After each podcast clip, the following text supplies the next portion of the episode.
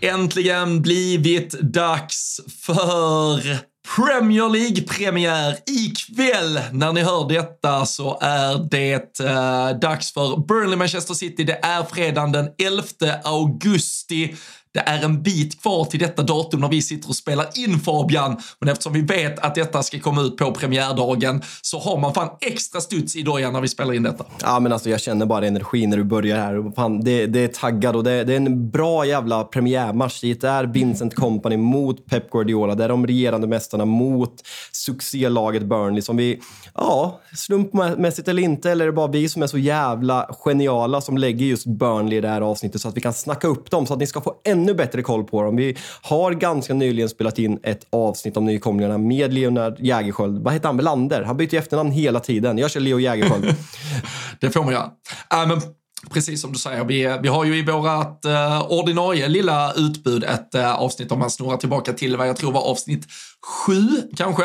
Ett eh, riktigt bra snack med, med Leo som har full koll på Championship och eh, även de lägre ligorna i England. Så redan där gav han ju oss eh, sina tankar och eh, åsikter kring både Burnley, Luton och Sheffield United. Och det är ju de tre lagen vi även ska eh, ja, men bearbeta lite här under dagen så att man är fullt påklädd med allt det sista man behöver då inför eh, Premier League-säsongen som väntar. Eh, du har fått eh, den eh, lite lättare uppgiften tycker jag att ändå titta lite på Burnley. Det har fan varit ett riktigt hypat lag eh, det senaste året, men eh, jag har grävt. Jag har gjort min journalistiska gärning med fan allt vad det betyder för att nosa fram det hetaste kring både Luton och Sheffield United inför säsongen. Ja, men det var väldigt generöst av dig. Det var faktiskt du som gjorde de här uppdelningarna på lag inför säsongen. Jag sa det när jag upptäckte, fan jag har alltså bara Burnley av nykomlingarna och eh, tackade dig för det var ju faktiskt det laget som var absolut lättast att göra researchen på, det laget man hade bäst koll. Så eh, jag ser fram emot att alltså, vi fick ju lite smakprov på ja, med 35 minuter med alla de här tre lagen och Leon är även med lite snack om sitt lag Fulham. Så eh, det ska bli kul att liksom fördjupa sig lite i Luton och Sheffield United för jag ska vara helt ärlig, jag har nej, men absolut noll koll på de här lagen förutom det Leo sa och det enda man, nej, det enda man vet om Luton är den här arenan och att man har låg lönebudget. Så uh, gå igenom lite spelare, hur man spelar, tränare. Det, det ska bli kul att lyssna på. Ja, nej, men absolut. Och eh, vi börjar då med eh, Luton, eh, för det var ju det laget som fick ta ja, men längst väg upp i Premier League. De eh, kom ju eh, på tredje plats i Championship, men eh, alla har väl koll på att trean, fyran, femman, sexan gör upp i det där riktigt snåriga playoff-spelet som sen väntar. Och det var ju till slut ett straffdrama mot Coventry på Wembley som tog dem hela vägen upp i Premier League och den långa historien, resan från Eh, National League och uppåt, den har de flesta nog hört någonting kring. Sen att man kanske inte känner till exakta detaljer, vilket år man tog vilket steg och så vidare. Det är kanske inte heller helt superviktigt att ha full koll på, men eh, den som byggde väldigt mycket av det fundament man stod på och eh, var med på väldigt stora och viktiga delar av resan, det var ju tränaren Nathan Jones som sen Ja, vad ska man säga med facit i hand i alla fall tog det sämsta beslut en tränare kanske någonsin har tagit när han gav upp den dröm och det han höll på att åstadkomma i Luton för att ta över Southampton istället och där gick det ju som det bara gick. Jag vet att de har någon tränare, vad vi bara kan komma på på uppstuds, gjort ett sämre karriärsval. Nej, alltså väldigt, väldigt, väldigt tveksamt. Alltså Paul Pogba är ju där som spelare i dåliga karriärsval när han valt att gå till Manchester United. Men nej, just när Luton går upp och Nathan Jones liksom har blivit synonym med Luton och kommit tillbaka, haft två sessioner och gjort det så fruktansvärt bra. Så nej, tror inte att han mår bra idag och det där är ju bland de sämsta Premier League-sessionerna man någonsin har sett vad han gjorde med Southampton och eh, Hassenhüttel såg ut som ett geni om man jämför med Nathan Jones. Men jag tänker att du eh, ska få redogöra lite för mig Ehm, Rob Edwards, eh, som den nya tränaren heter, är. Ja, men precis. För eh, det blir ju någonstans kanske en eh, lite blessing in disguise för, för Luton, det som händer där under hösten då när Nathan Jones lämnar. Man låg bara på nionde plats i Championship. Man, man hade haft en riktigt tuff start om vi går tillbaka till de bara första omgångarna av Championship. Man hade två poäng på de fyra första matcherna, gjort ett mål och när Nathan Jones då tackar för sig vilket var på hans helt egna bevåg och jag tror Luton hade ju nog aldrig typ kunnat sparka honom med tanke på allt det han hade åstadkommit. Så det, det frigjorde ändå och öppnade en möjlighet för Luton och precis som du säger så kommer ju då Rob Edwards eh, in i stället. Eh, han hade haft en eh, kort vända som huvudtränare i ja, men det hipstergäng som är Forest Green Rovers eh, som nu på senare dagar har haft Duncan Ferguson som tränare. Känns som eh, lite himmel och helvete kontra vad Rob Edwards eh, stod för vad gällde sitt sätt att spela fotboll. Är också en ja, men för detta mittback som man kanske minns från Wolverhampton. Tillhörde dem från typ 2004 till 2011, gjorde väl ett hundratal matcher där men eh, är en eh, spelare som, eh, eller tränare som framförallt har använt sig av en 3-5-2 eller 3-4-1-2 uppställning. Det var ungefär 80 procent av matcherna som spelades på det sättet förra säsongen.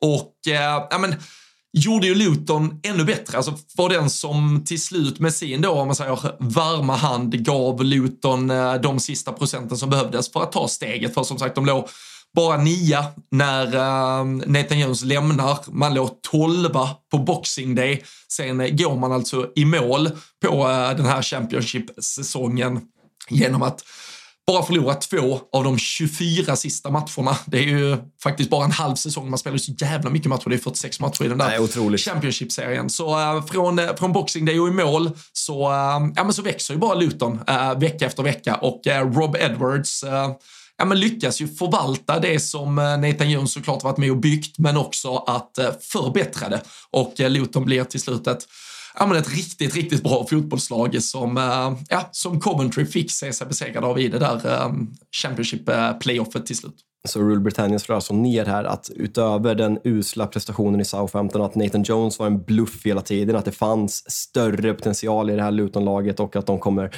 ja, men de kommer skörda sån framgång nu i Premier League. Och kollar man bara på övergångarna, Chong från Birmingham, United-produkt. Va, va, mm. det är den enda man faktiskt känner igen med namn. Alltså, vad har vi på de andra? Vad har vi för nyförvärv? Vi har faktiskt, här, är, här är jag noll koll.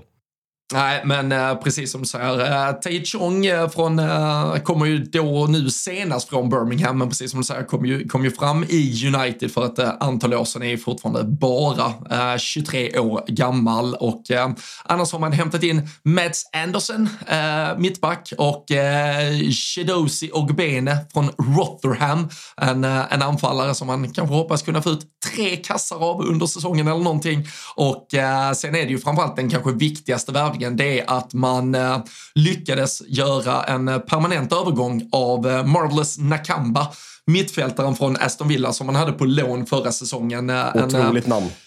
Ja, ja, herregud. Det är, det här är min gubbe. tre namn i Premier League den här säsongen, åtminstone. Men en spelare som man säkerligen har sett eh, fladdra förbi den där Aston Villa-truppen eh, flera gånger om de senaste åren, men där man aldrig har känt att det här är en spelare som kommer vara ute på en Premier League-plan och göra någon stor skillnad, men var eh, ja, men fundamental för Luton och det gick ju också Leo verkligen i god för när vi, när vi pratade med honom senast. Och eh, han kommer ju fortsatt vara superviktig för det här Luton-laget och eh, nu har man dessutom hämtat in Issa Caboret, en eh, Manchester City-back, eh, framförallt högerback som eh, var på lån i Marseille förra säsongen.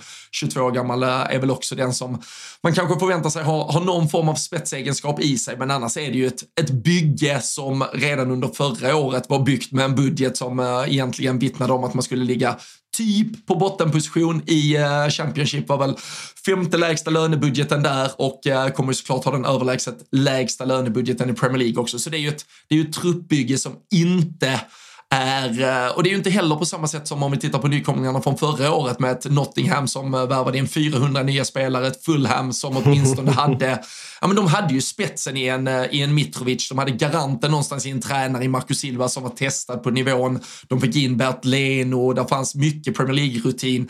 Alltså i det här Luton-laget, det vi ser nu, det är det är verkligen årshöjden uh, på Premier League-nivå. Och det, det, du, du, har i många av våra sådana här införavsnitt refererat till att det ska vara intressant att se lag. Eh, kanske mest för att du tycker att det ska bli lite spännande och kul. Här ska det bli intressant att se om, alltså kan de här jävla spelarna ens spela på den här nivån? För uh, ja, det är, uh, det är skillnad på lönekuvert kan jag säga mellan uh, många spelare i det här laget och det de kommer möta kommande alltså, månader. Alltså känslan här är väl att eh, alltså på förhand, om man bara ser på de här förutsättningarna, sen hoppas man ju, du ska få gå in på snackisen. Jag misstänker vad snackisen, att det är ofrånkomligt att prata om arenan och kanske framförallt bortasektionen. Men alltså, Derby, det är en känd quizfråga, vilket lag som har tagit minst poäng i Premier Leagues historia och det är ju Derby som tar 11 poäng säsongen 07-08. Och frågan på förhand, ja, slår de det? Alltså det är väl absolut eh, en, alltså det är en befogad fråga. Och eh, jag har väl i alla fall eh, sneglat bort mot eh, ATG.se för att kanske få någon långtidare på att de kommer göra minst antal mål. Alltså jag tror de kommer ha det jättesvårt på alla sätt och vis. Eh, om det ska in något eh, kring deras poängskörd kanske också, det får vi väl se. Men eh, de, de, kommer ha det extremt tufft och, och, det kommer också vara det som eh, kännetecknar vårt eh, långtidsspel vad gäller Luton borta på ATG.se. Så där, man kan väl gå in och se vad vi exakt har landat i när detta avsnittet då har kommit ut, men eh, ATG.se stödlinjen.se för alla de som är 18 år fyllda och som inte har problem med spelande, för då finns stödlinjen.se. Men eh, nej, det, det, kommer vara, det kommer vara supersvårt och eh, deras enda lilla hopp det står väl till det som du har tassat kring här, snackisen, och den arena och eh, den inramning som kommer vänta för de här stora Premier League-jättarna när de kommer till Kenilworth Road och eh, framförallt för bortafansen som ska klämmas in på bortasektionen genom att typ passera Miss Margarets vardagsrum för att ta sig in på sina platser. alltså känslan är att den är så jävla jibbvänlig så att det liksom, alltså kommer vara, alltså det kommer åka ner så mycket mer borta supportrar för att de liksom vill besöka. Den kommer ta väldigt få, det kommer vara väldigt, väldigt mycket sökningar så folk kommer liksom försöka jibba arenan så det ska, det ska bli underhållande när de börjar spela. Pierre Thien vet jag att sa när han har oss att han, han är som målsättning att åka på den här matchen då han vill liksom gnugga på och liksom besöka de flesta eh, arenorna i England så eh, det ska bli kul att se, även om jag redan är trött på den så ska bli kul att se hur första matchen ser ut när ett riktigt stor, storlag kommer och ska besöka den här arenan för första gången på väldigt länge. Eh, vi går över till eh, stjärnan. Eh, mm. Vad har vi egentligen även här? Har ingen aning.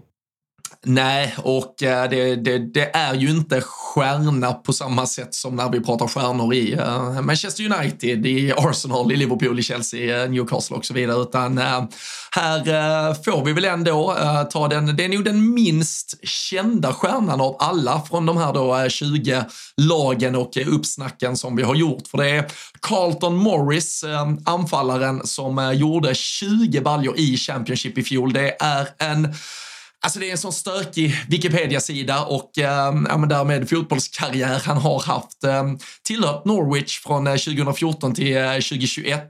Oj. Gjort en match för Norwich på de sju åren och eh, istället spelat sin fotboll på lån i tur och ordning då i eh, Oxford United, York City, Hamilton Academical, Rotherham United, Shrewsbury Town, Rotherham United, MK Dons och eh, ja, men sen MK Dons igen. De var så nöjda efter att han hade gjort två mål på tio matcher att de tog honom en säsong till och då fick de tre mål på 18 matcher och eh, sen eh, gick han permanent till Barnsley där han, eh, ja, men han gjorde ändå ett tiotal mål på 50 matcher där innan han då kom till Luton inför förra säsongen och gjorde 20 mål på 44 matcher. Så det, alltså, allt står ju, allt hopp står till att Carlton Morris kan dunka in ett par kassar till. Men uh, ja, du hör hur mycket stjärnglans det är kring Luton när detta är det, uh, ja, den stora nummer nio på topp helt enkelt. Ja, men det som sticker ut här är att han är ganska, liksom, han är 27 år ser jag på hans Wikipedia-sida. Det är inte jättemycket mål. Alltså, det är ju verkligen ett,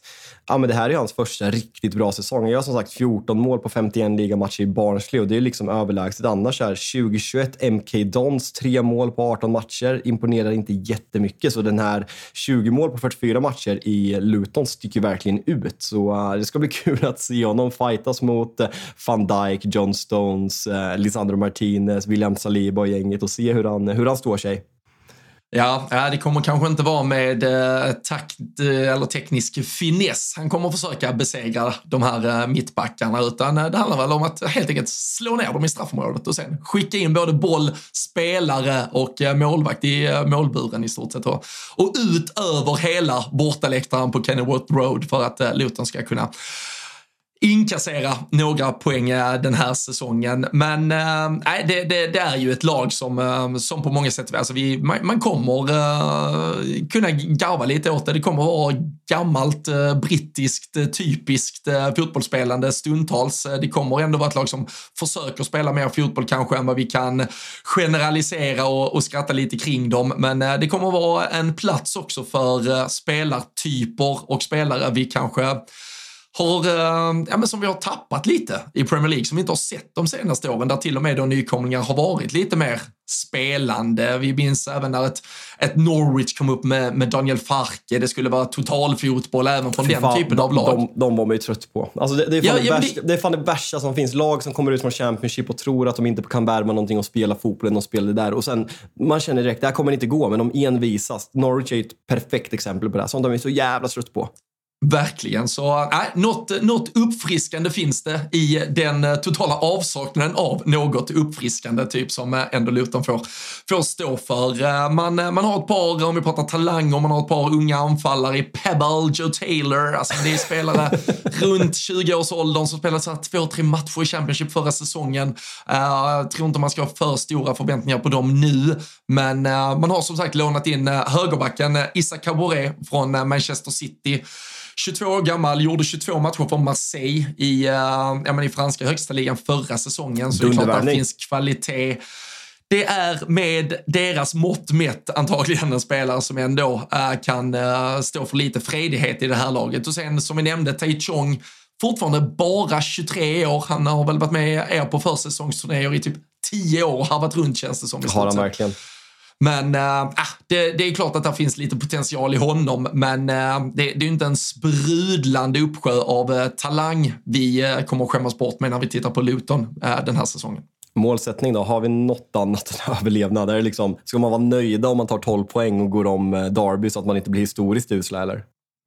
Nej, men jag tror, alltså, det, det, det, känns ju jättehårt att säga att uh, målsättningen inte ens ska vara att klara sig kvar i Premier League. Det är klart att de kommer ha det som målsättning, men jag tror också, och jag tycker att det här transferfönstret visar lite på en, eh, ja men, jag höll på att säga sjukdomsinsikt, det är det ju inte, men en förståelse för sitt läge och sin plats i hierarkin. För man, man gör inte någon galen satsning på att tro att det här kommer, kommer gå, typ, utan man vill nog ge det en chans och man kommer jävlar i det ge det en chans. Men eh, man har också ett uh, arenabygge på gång, man gör saker snarare på rätt sätt, man överspenderar inte, man kommer inte ta onödiga risker, man kommer inte signa upp spelare på feta kontrakt, vilket gör att man kan förblöda ifall man åker ner igen i Championship, utan det här handlar nog om att eh, få, få erfarenhet av den här Premier League-säsongen. Vid ett mirakel så är man kvar i Premier League, men eh, vid 99 av 100 utfall så åker man antagligen ur igen, men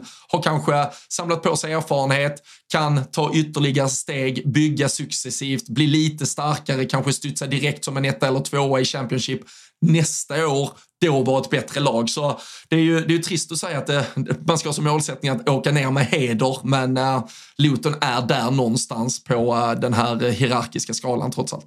Ja, nej, det blir kul att se och följa vilken, vilken spelstil man kommer ha. Är du redo för att få en genomgång av kvällens Burnley som ska möta Manchester City? Det är jag och eh, jag hoppas du ska vara kritisk mot eh, Vincent Kompany och inte bara vara så positiv som alla är mot honom. Ja, vi får se helt enkelt. Vi börjar väl att prata om föregående säsong i Championship där man slaktade rent och där är det väl svårt att inte vara jättepositiv till Vincent Company. Eh, som Leo sa i avsnittet att man troligtvis hade slagit poängrekordet i Championship om man inte hade slappnat av och liksom så här, ja, men, man roterade lite, man tog några onödiga förluster men man vann ju Championship helt överlägset och var klart jätte, jättetidigt. Man förändrade spelet i grunden från klassiska Burnley till något helt annat och jag tänker väl att vi går direkt över till mannen som stod bakom förvandlingen just nu för det, det är svårt att prata om Burnley förra säsong och återkomsten till Premier League utan att snacka om eh, mannen som har gjort det möjligt och det är väl ändå Vincent Company. Eh, ja, alltså med, med, med tanke på med tanke på vad, Burnley var, sättet de till slut åkte ur på när man eh, kände att det var, det var dags för Burnley att börja om, gå, ta ett steg tillbaka och att sen då få den fullträffen man får i rekryteringen av Vincent Company eh, och hur planeterna verkar ha stått rätt i att eh, man lyckas med ett sånt här faktiskt skitbygge göra dem till ett så jävla fotbollsspelande fotbollslag. Det är, eh, det är sällan skådat skulle jag säga. Man brukar kräva och behöva mycket större förändringar än eh, än det som skedde i Burnley. Så det, det vittnar väl lite om hantverket från Company för att få detta att funka. Ja, nej, det, det, tycker jag, det tycker jag verkligen. Och det, det, är ju... Ja, men alltså efter att ha lämnat Anderlecht och det var liksom första steget, han skulle ta rätt karriärsteg hela tiden innan han var redo för ett större jobb. Så det var inte så här lyckat som man kanske hade trott från första början. Så det var väl så här, vad skulle man ha för förväntningar på Burnley? Men det vart ju verkligen succé direkt och tillsammans med att han kryddar det här laget med vissa lån, vissa lån från Manchester City tack vare tidigare eh, relationer där. Men även fick han ju spelare, liksom klassiska Burnley-spelare, att spela ett helt annat spel än man varit van med under Sean Och det är det här som är så fruktansvärt imponerande, att det gick så, att det gick så fort tid. Och att liksom att göra Eh, Ashley Barnes exempelvis till en liksom bra spelare i det här laget som man har vant sig med liksom brunkarnas brunkare där uppe på topp. Det, ett, eh, det var jävligt häftigt att se och det som är kul att se med Vincent Companys karriär är också att han, ja men nu ska han verkligen bevisa sig på högsta nivå. Man åker ut mot United i ligacupen eh, förra säsongen. Man blir publicerad av City i FA-cupen, vart väl 5-0 eller någonting. Nu ska man möta de här lagen liksom på, på vecklig basis och eh, det sägs ju med ganska säkra källor att han, liksom, när Spurs hörde sig av och frågade om han var intresserad av att ta över jobbet i somras, att det var ett blankt nej för att han, liksom, han vill göra det i Burnley, han vill ta, skynda långsamt och sen kanske han känner att Spurs är ja, men ett väldigt svårt projekt att ta just nu, att det finns väldigt mycket att förlora. Så frågan man ställer sig är väl lite om Burnley gör en bra säsong nu, vill Company fortsätta skynda långsamt och liksom bygga vidare på sitt projekt? Eller kan det vara att han blir aktuell för större klubbar redan i, till nästa sommar? Men det, det, är väl lite som, som vi också har varit inne på i andra avsnitt att eh, med, med, med den topp toppsexan och vi har dessutom då adderat eh, ja, men Aston Villa, Newcastle lite till det. Vi pratar om åtta lag som, som har alla förutsättningar till att ja, men prenumerera på de, de översta positionerna i Premier League. Vi har ett Brighton om man lägger på dem där bakom. Vi har ett West Ham som med en ny tränare i alla fall kanske har, har förutsättningar och strukturer som skulle göra dem till ett riktigt bra. Så jag tror att Burnley även med en träffsäsong så, så, så, är det ju där någonstans i ett mittenrike av Premier League man kan landa och då skulle det ändå vara superbra. Och jag tror att Vincent Company ändå vill större saker med tiden. Så uh, det är ju klart att uh, skulle, skulle han Tar han Burnley redan nu till en ganska framskjuten position på man säger, den nedre halvan och uppe och luktar kring mittenriket, då tror jag ändå han känner att han har maximerat Burnley och, äh, och vill göra göra mer. Eh, det, det, är nästan för Burnley att de, om de i alla fall vill behålla Vincent Company så länge så, så är det kanske att de typ med nöd och näppe ska klara sig i Premier League nu för att sen Company vill, vill göra dem ytterligare bra eller bättre. Men uh, det finns kanske förutsättningar för Burnley att, att göra det riktigt bra redan nu och då tror jag att Company sen känner att det är vägs ände och att, att han vill vidare faktiskt. Ja, men det är verkligen känslan och det är här som är snackisen som jag har valt. Alltså Companys framtid, hur bra han kan vara för att ha, kvar, eh, ha en eh, framtid kvar i Burnley och hur, ja, men hur stor besvikelse det blir om man inte liksom levererar på dem. Eh, efter, för, för man är ändå ett av Championship bästa lag genom tiderna så förutsättningarna sätts ju efter det. Vi går in lite på transfers. Eh, börjar med Seki Amdoun som har värvats från Basel för 18 miljoner euro. Vi kommer återkomma lite mer till honom senare. Annars är det James Trafford som gjorde succé i U21-mästerskapet nu, värvad från Citys U21-lag. 17 miljoner. Jordan Bayer, mittback från Mönchengladbach, var på lån förra året. Tar in honom permanent annars. Darrow O'Shea, mittback. Eh, Bort Weghorst tillbaka på lån och sen lite, lite till som vi inte behöver nämna här. Ut är det Ashley Barnes som lämnar till Norwich. Annars inget riktigt att nämna. Sorgligt med Ashley Barnes, är inte det? ja, det, det är fan rätt skönt att inte se honom i Premier League. Jag ska vara helt ärlig och, och känna att det, det, är alltid lite, det, det tar emot att se honom springa runt på en eh, Premier League-plan. Så helt perfekt att han går till Norwich faktiskt. Ja, det är väl det. Och eh, alltså så här, vad som är kvar på marknaden att göra, det är inte jättemycket rykten. Det är svårt att säga om, om Company behöver ha in något mer. När man kollar på liksom den här truppen, det kryllar verkligen inte av stjärnor. Det är inte många spelare man har någon relation till. Men jag har ändå landat. Alltså hur han kommer spela, det vet jag inte. Kommer han vara kvar? Jag vet inte. Men jag har ändå landat om man tar liksom vad man har gjort i världsfotbollen, om statusen som ändå finns där, att Wout Weghorst är den starkast lysande stjärnan som fotbollsspelare just nu. Sen Sen om han kommer spela, om han kommer lämna, det, det, vet jag inte. Men han har, liksom, han har gjort det bra i Hollands landslag. Han var ändå på lån i först Besiktas och sen i Manchester United, även om det verkligen blev noll Premier League-mål för Wout Weghorst. Så det ska bli väldigt intressant att se hur kompani kommer använda honom. För jag tyckte, alltså så här, pressspelet var bra i Manchester United. Han spelades även och testades som en nummer 10-roll när liksom Martial spelade som anfallare och man flyttade upp Rashford. Så han har liksom, ja, men andra egenskaper utöver de här target-egenskaperna som man tar för givet på grund av hans längd. Sen var ju, han inte tillräckligt bra för Manchester United, men det ska bli kul att se honom i det här Burnley och med Vincent Company som han inte har spelat under. Och eh, förutom Weghorst så ska vi ändå nämna Brownhill som, som du nämnde. Jag, jag känner exakt samma sak. Känd för att han är en 4,0 mittfältare på, på FBL historiskt sett, men gjorde en riktigt bra match i säsong i Championship. Så kul att se honom tillbaka i Premier League och se om, man kan, nej, men om han är en ny spelare under Vincent Company kontra vad han var under Sean Dyche. Mm.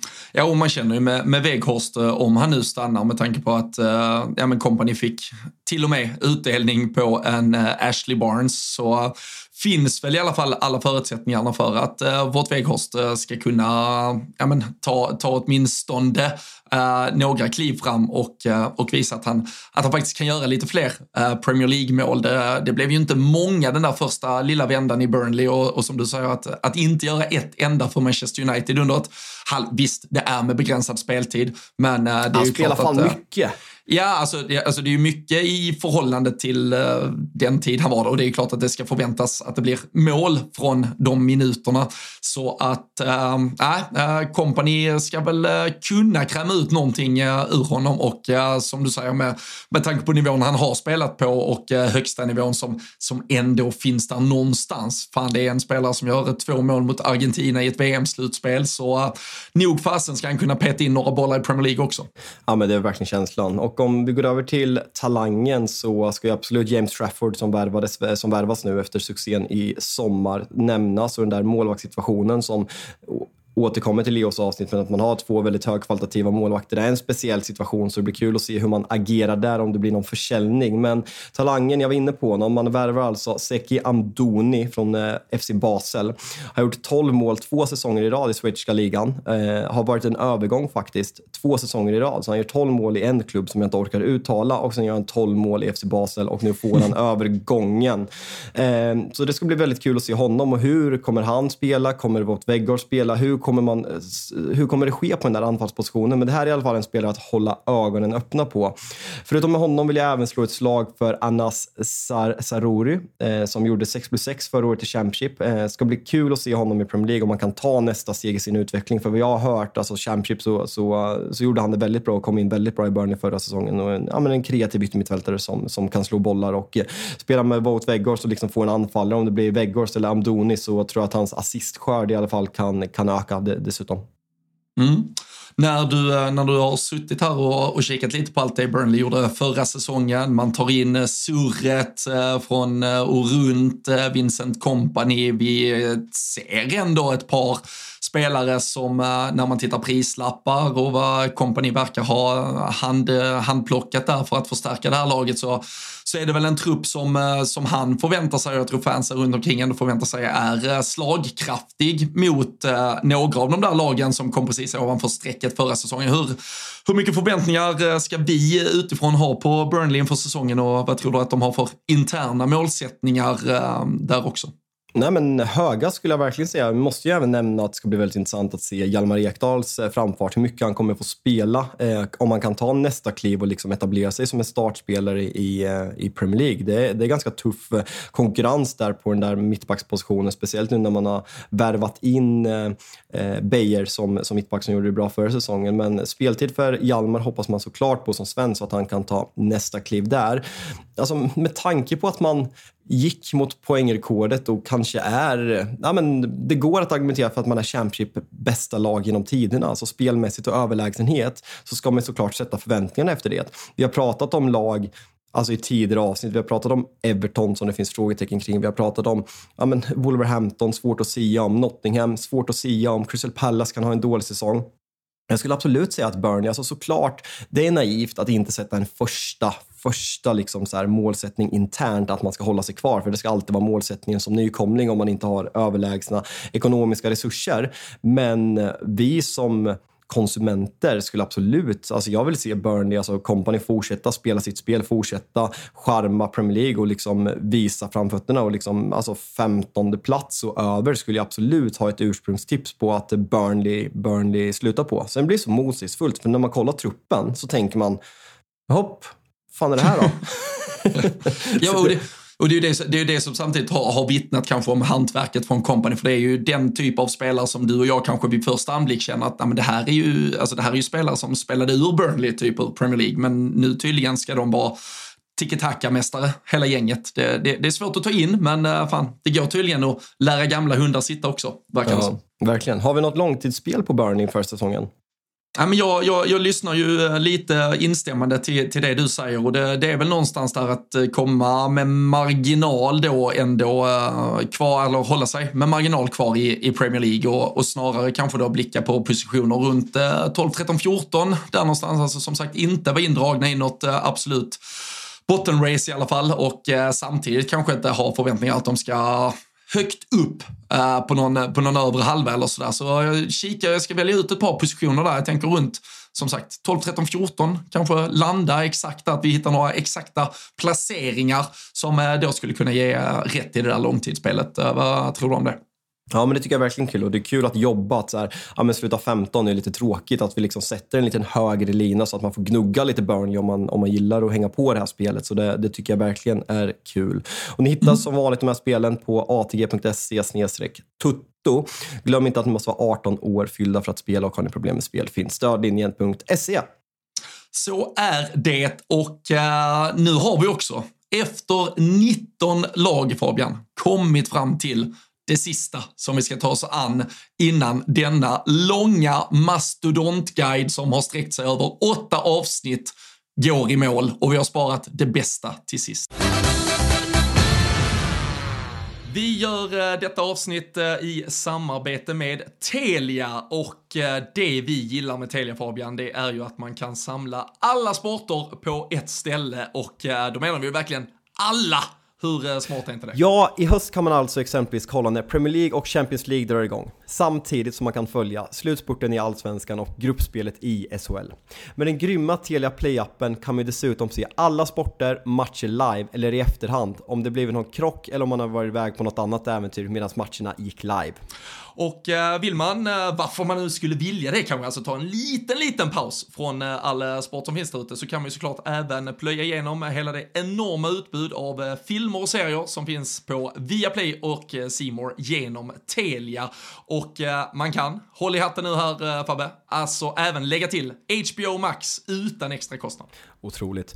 Och då sitter folket där hemma och tänker hur saftig den här notan blir. Nej, men alltså det kostar ju bara 649 kronor i månaden, vilket gör att man alltså sparar över 500 kronor jämfört med om man köper alla de här tjänsterna separat. Nej, men det är eh, total succé och eh, ja, men samla sporten smartare, spara massa pengar. Det är Telia det, så stort tack till Telia.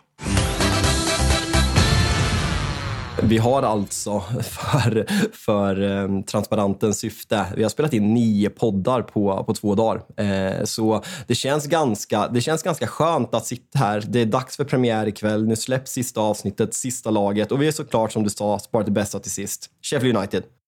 Ja, nej, men det är ju eh, ett så, så jävla trevligt lag faktiskt när man har läst, läst in sig på dem. Och, alltså jag älskar ju tränarens namn. Det är ju det som är det bästa med Sheffield United.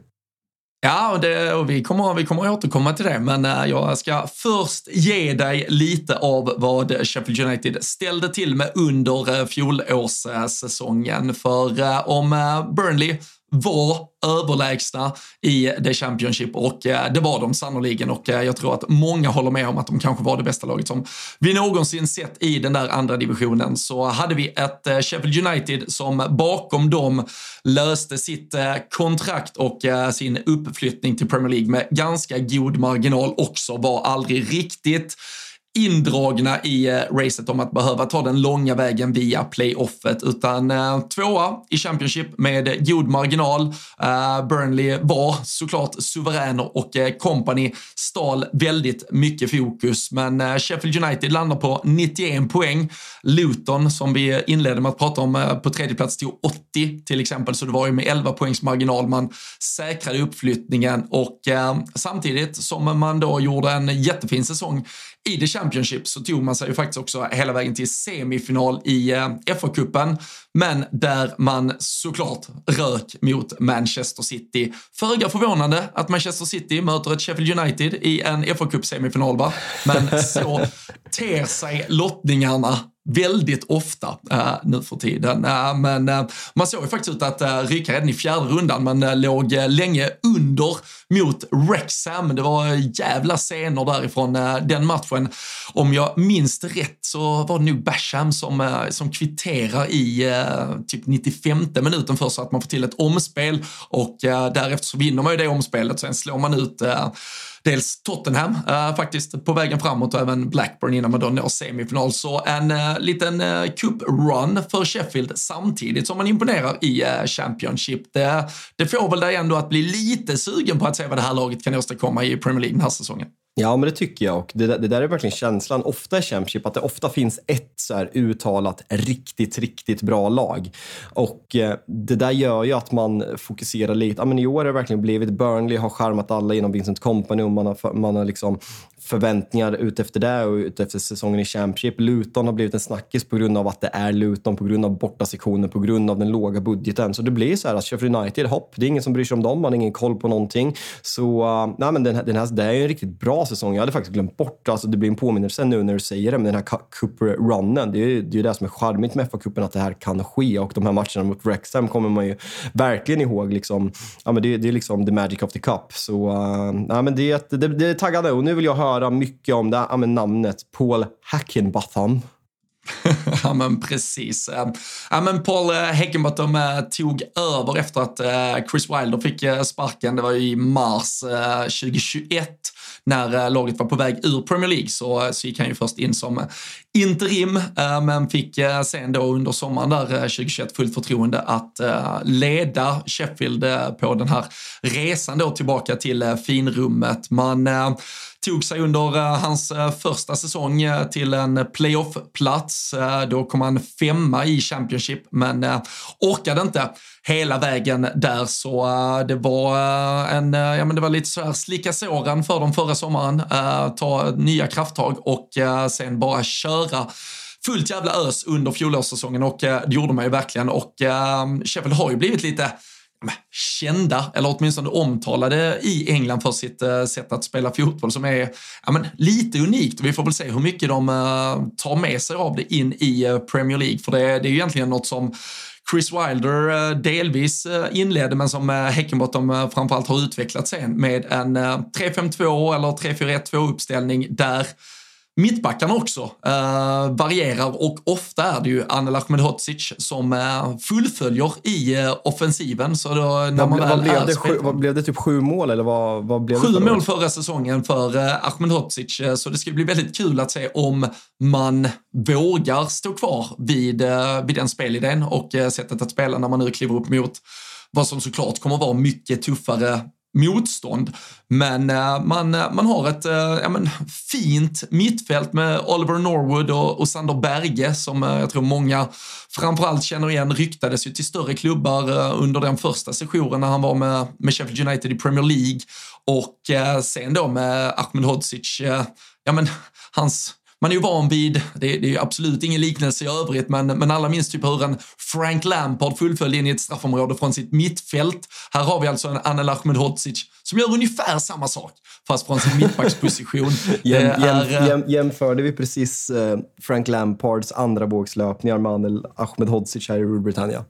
Jag gör det och så dividerar man allting med ungefär 10 och så förstår man ungefär vad det är jag är ute efter i alla fall utan att uh, ha liknelser i, uh, i övrigt i alla fall. Men, uh, ja, men alltså det, det, det, ska bli spännande att se om de ändå väljer att spela på, lite som kompani, alltså med, med en tydlig ja. spelidé. Men äh, frågan är hur den kan äh, ja, realiseras och omsättas när det är klart tuffare motstånd som äh, står på andra planhalvan. Och sen är det lite så här med Sheffield United, alltså jag, jag, personligen, mitt minne när man kommer upp i åren är ju liksom icke befintligt. Jag vet att du är bättre och starkare på sådana här saker med om jag ställer en quizfråga vad som hände för tre år sedan. Men det är lätt att glömma att Sheffield United gör ju, när man har din Henderson på lån, en riktigt, riktigt bra säsong som nykomlingar, om det är för tre eller fyra år sedan. Sen åker man ju tyvärr ut säsongen efter och sen så gick man upp ganska, ganska snabbt igen. Så det här är ett lag där vissa spelare har Premier League-erfarenhet och liksom publiken är vana att ha Premier League-fotboll på arenan. Så det är inte, liksom, det är inte ett Luton som kommer upp här. Det är inget rövgäng. Om man gör som du säger en, en ganska bra säsong, eller en väldigt bra säsong i Championship till, till förra säsongen och säkrar uppflyttningen väldigt tidigt tillsammans med Burnley, men kommer lite i skymundan där. Men på övergångsfronten då, är det Benny Traoré, succémannen från Häcken, som ska, som ska ösa in målen, eller hur ser det ut? Ja, det, det, kan mycket väl vara, vara så att uh, lite i alla fall uh, kommer att vila på hans axlar. Där, där, finns, uh, där finns absolut mer seniora och kanske färdiga anfallars alternativ också. Även om det väl kanske är lite oroväckande för deras del, rykten på utfronten. Det kan vi, det kan vi komma till. Men annars är det som du säger, Benny Traoré in från Häcken, så de flesta med eh, någon form av koll på allsvenskan i alla fall känner igen honom från en succévår. Vad kan det ha blivit? 14 mål för Häcken ungefär under första halvan av säsongen. Eh, ja, typ. Eh, mycket, mycket, mycket fantasypoäng till FC Jalks. Ja, men eh, han, eh, han har ju varit eh, superbra för, för Häcken under första halvan här av säsongen. Och utöver honom för drygt 5 miljoner pund var det väl så har man hämtat in Yasser Larousi, före detta Liverpool-spelare som var i Troyes tidigare. Och han är inlånad vänsterback framförallt men kommer väl kanske spela någon vänster wingback i, eh, i Sheffield United under säsongen och sen även Anis Slimane från eh, Brönby. Noll koll på honom eh, så det ska bli intressant att följa hur viktig han eventuellt blir. Men en mittfältare och där var ju en position där man förutom de här nämnda då, Norwood, Berge, de som kanske stod för lite mer av grovgörat förra säsongen hade James McAtee från Manchester City på lån och han var ju nog lite för bra för att spela i Championship, men en stor och viktig nyckel i att Sheffield United var så bra förra säsongen. Nu om vi kanske, ja nu får vi se om något har hänt när det här har släppts, men eh, som det ser ut just nu så har han ju varit med på Citys försäsong och eh, kanske snarare eh, ja, aktuell att redan nu ha en truppplats i City under kommande säsong. Så eh, jag tror att Sheffield United-supportrarna bönar och ber om att han kan komma tillbaka på lån, men eh, som det ser ut just nu så får de klara sig utan McAtee och eh, det är mycket kreativitet som eh, försvinner eh, i och med det tyvärr för dem ska säga att Benny Traoré gjorde 12 plus 3 på 13 matcher i Allsvenskan ja. i år och det är såklart otroligt starka papper. Det ska bli kul att se honom nu när man har följt honom i eh, den här, den här våren med, eh, med Häcken. Har du något annat som, lite rykten om vissa spelare som, eh, som var viktiga förra året? Hur ser det ut på liksom rykten ut? Är det viktigt att behålla vissa eller? Ja, men där är det ju, eh, det var ju till slut eh, Ollie McBurney, han, han känner nog alla igen. Eh, där, det finns också ett, ett, ett utseende som gör att man ofta kan plötsligt få upp en bild på hans, hans, hans huvud och kropp och framförallt sina korta strumpor. Han, blivit lite, han känns som en lite, lite kultspelare redan på alla sätt och vis. Men han är kvar på topp, hängde väl in en 10-12 kassar förra säsongen och Ilian, eh, eller Ilman Ndiaye eh, har man också, det var han och McBurney som delade på målskyttet förra säsongen och där är väl en lite mer spännande spelare. Här känner man att det finns lite höjd eh, senegales som ryktas till Marseille den här sommaren dock och eh, när vi spelar in detta så har Sheffield United tackat nej till de första buden. Marseille har ju sedan dess också gjort klart med Aubameyang från Chelsea istället och kanske att det blir eh, ja, lite frälsningen för Sheffield vilket gör att Marseille backar undan, men det kan absolut vara så att andra klubbar är och nosar kring Ndiaye och eh, tappar man honom, då kommer nog mycket faktiskt fokus flyttas till att Benny Traoré redan den här säsongen ska vara en målskytt för det här Sheffield United och att ta klivet från från Häcken och eh, den typ av fotboll som spelas i Europas, vad är det, 23 bästa liga till att man ska vara en målgarant i Premier League. Det, det kanske är ett för stort steg, men uh, vi får se. Men uh, jag tror det är viktigt för Sheffield att de ändå behåller Ndiaye och att Benny Traoré snarare kan vara lite påläggskalv under den här åtminstone första halvan av säsongen innan det förväntas mer av honom. Han får vara stjärnan i Championship nästa år helt enkelt. Vem är stjärnan i detta Sheffield United då? Uh, jag, jag tycker att uh, det är uh, alltså fog för att argumentera för att uh, Ahmed Hodzic har fått lite av en stjärnstämpel här. NDA är som sagt kanske den som sticker ut mest, som har mest glans runt sig, men att Anel dels har nu varit där ett par säsonger, blivit en stor eh, supporterfavorit med sina förtjänster både i försvarsspel och då med sitt bidrag offensivt. Eh, det är en spelare som sticker ut, som tidigt blev eh, ja, men älskad av fansen där. Sen eh, kanske mer ansvar också ligger på ett eh, mittfältsankare som Sander Berge som har varit med lite längre på den här resan, både då från från tiderna i Premier League, varit nere och vänt och nu har tagit laget lite tillbaka upp. Men eh, när vi ändå har en så stark svensk bekanting som vi kan skohorna in och ge stjärnglansen och eh, etiketten som lagets stjärna så tycker jag att vi, vi ger det till Anel Ahmedhodzic eh, inför den här säsongen. Men hur ont tror du att det kommer kännas att eh, den här kritiken mot Jan Andersson kommer växa sig större? För låt oss vara ärliga, alltså, vi svenskar, alltså, det var Bordeaux på lån en halv säsong och sen så åkte de ut med huvudet först i liga och sen har det varit eh, Sheffield United nu i en säsong. Så nu ska vi äntligen få se Ahmed Hodzic spela. Vi har inte sett honom riktigt sen, sen tiden i Malmö och nu ska vi se honom på absolut högsta nivå. Jag tror att den här debatten att Janne inte gav honom chansen tidigare kommer liksom höjas upp. För det är ju liksom ja, men bakom Victor Lindelöf har det verkligen suktats efter mittback. Nu har Isak Kian kanske tagit den här platsen och även Hjalmar Ekdal som jag pratat om i det här av, eh, avsnittet. Men eh, det ska bli väldigt kul som svensk att se honom och kanske framförallt må piss över vad vi gick miste om. ja, men det, det blir ju, eh, det, det, blir ju någon liten minimal match i matchen mellan faktiskt då båda de här två uppflyttade klubbarna och deras svenskbeka, svenskbekanta mittbackar i då, som du nämner, Hjalmar Ekdal i Burnley och eh, Anel Ahmedhodzic här i Sheffield United. Han är, fan, vi... han är fan född i Malmö, vi får kalla honom svensk. Ja, det är klart, men, men eh, det där blir det ju... Eh, ja, men det, det, det ska bli kul att följa. Det, det, det, kan ju vara att man eh, sitter och ser Hjalmar Ekdal på bänken vecka efter vecka och så ser man Ahmed Hodzic stänga igen det där och dessutom då blir det offensivt och så sitter man och blir förbannad. Men vi, vi hoppas ju och håller tummarna för att Hjalmar ska vara minst lika viktig för, för Burnley och då kan vi väl, då kan vi väl andas lite i alla fall. Och jag har ju inte varit jag har inte varit helt såld på den här. Jag, alltså, Samtidigt visar det också hur, hur svag den där mittbacksuppsättningen i svensk fotboll har varit bakom eh, Victor Nilsson Lindelöf de senaste åren när vi kan sitta och vara lite förbannade över att vi har gått miste om Anel. Jag, jag tycker att det är ändå en eh, nivå ner från vad man kanske kan hoppas på att ha som startande mittbackspar i ett landslag, om det är inte, jag ska vara helt ärlig. Det är inte Olof Mellberg och Peter Hansson direkt. Tror du förresten, jag ser ju här att uh, Ahmed Hodzic har ju faktiskt gjort en ligamatch för Nottingham Forest under åren 2016 till 2019 när han var ungdomsproffs där. Har vi ett, uh, ett respektfullt firande när han sätter last minute winner mot Nottingham i år? Svårt att se faktiskt. Det, det, det skulle nog eh, mycket till. Där måste han ju varit som, eh, var det efter Nottingham man vände tillbaka till Malmö sen då? Det, ja, det kan ju stämma va? Exakt. Ja.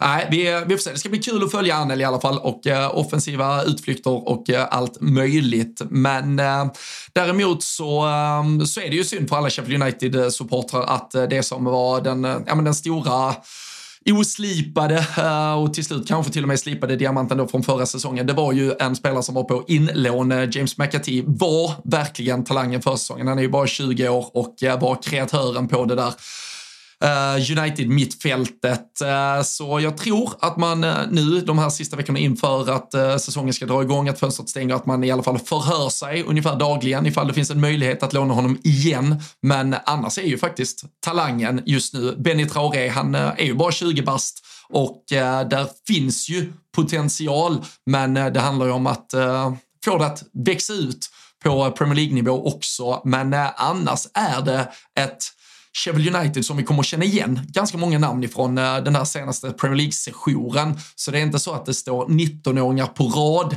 i att eh, ja, men, stå och knacka på dörren för att visa upp sig, utan lite svältfött kanske på eh, talang i eh, det rätta epitetet som eh, man kanske hade velat. Men eh, det handlar också om överlevnad för det här laget och eh, då kanske det inte är plats för så, så jävla mycket talang egentligen, utan det är spelare som kan göra jobbet man ska fokusera på istället. Ja, nej, det, det, det kryllar inte av talang i det här laget. Vad, vad, vad ska vi ha för målsättning på, på det här? Eller målsättning, vad ska vi ha för förväntningar på det här Sheffield United egentligen? Ja, men alltså, de, är ju ändå ett pinnhål upp från, från Luton. Dels med, dels med förutsättningarna, dels redan kanske med vad man kom från eh, förra säsongen och vad man har i ryggen och den prestationen. Och då också ett par spelare som, som har erfarenhet på ett annat sätt och där finns lite mer manöverutrymme att kanske göra något här och det kanske har hänt när folk lyssnar på detta under de sista veckorna på transferfönstret. Så jag tror att Sheffield United ändå inte ser sig besegrade på samma sätt som man kan försöka ändå tro att eh, Luton med lite självinsikt eh, insikt känner. Eh, Sheffield United tror nog att de med lite träff kan komma för ett Nottingham, komma för ett Bournemouth, komma för ett Everton. Sen tycker jag när man bara tittar på trupperna att de nog inte ska tro det, men jag tror ändå att de kommer verkligen ha en uttalad målsättning om att klara det här kontraktet nu. De, de har erfarenheten, du, du var inne på att de har supportrarna som har stått på de där läktarna och sett sitt lag faktiskt välta giganter för. Då, då har man ändå en tro på det, man har gjort det för och en känsla av att man kan göra det igen. Men jag tror hemmaspelet blir sjukt viktigt. Det känns som ett lag som kan åka till väldigt många bortamatcher och eh, få det riktigt, riktigt tufft. Så eh, kommer nog eh, fingra lite på något spel kring att man gör det riktigt uselt borta och att hoppet står till hemmaspelet faktiskt. Mm, det där är intressant. Alltså, det där är viktigt som nykomling. Alltså, dels har vi pratat om det här att få igång en målskytt som i alla fall kan göra plus 10 mål är jätteviktigt. Men sen är det ju hemmaspelet. För på bortaplan, ah, nykomlingar överlag brukar vara ganska svaga där och det är ju på hemma. Man måste ju liksom så här, minns alla vilka. Det, det, är väl Brentford som möter Arsenal på hemmaplan. Den här fredagspremiären för två säsonger sedan när man är nykomlingar. Exakt. Och det bara, ah, men det bara kokar. Och det där är så fruktansvärt viktigt att få någon tidig seger där mot en storklubb och liksom så bygga vidare på hypen och göra det till en fientlig stämning. Nu åkte Leeds i slut ut, men alltså Ellen Road komma till Ellen Road, alltså det är så jävla fientligt och svårt att spela på så det finns inte. Så det här, ja, men det här spelet gillar jag verkligen.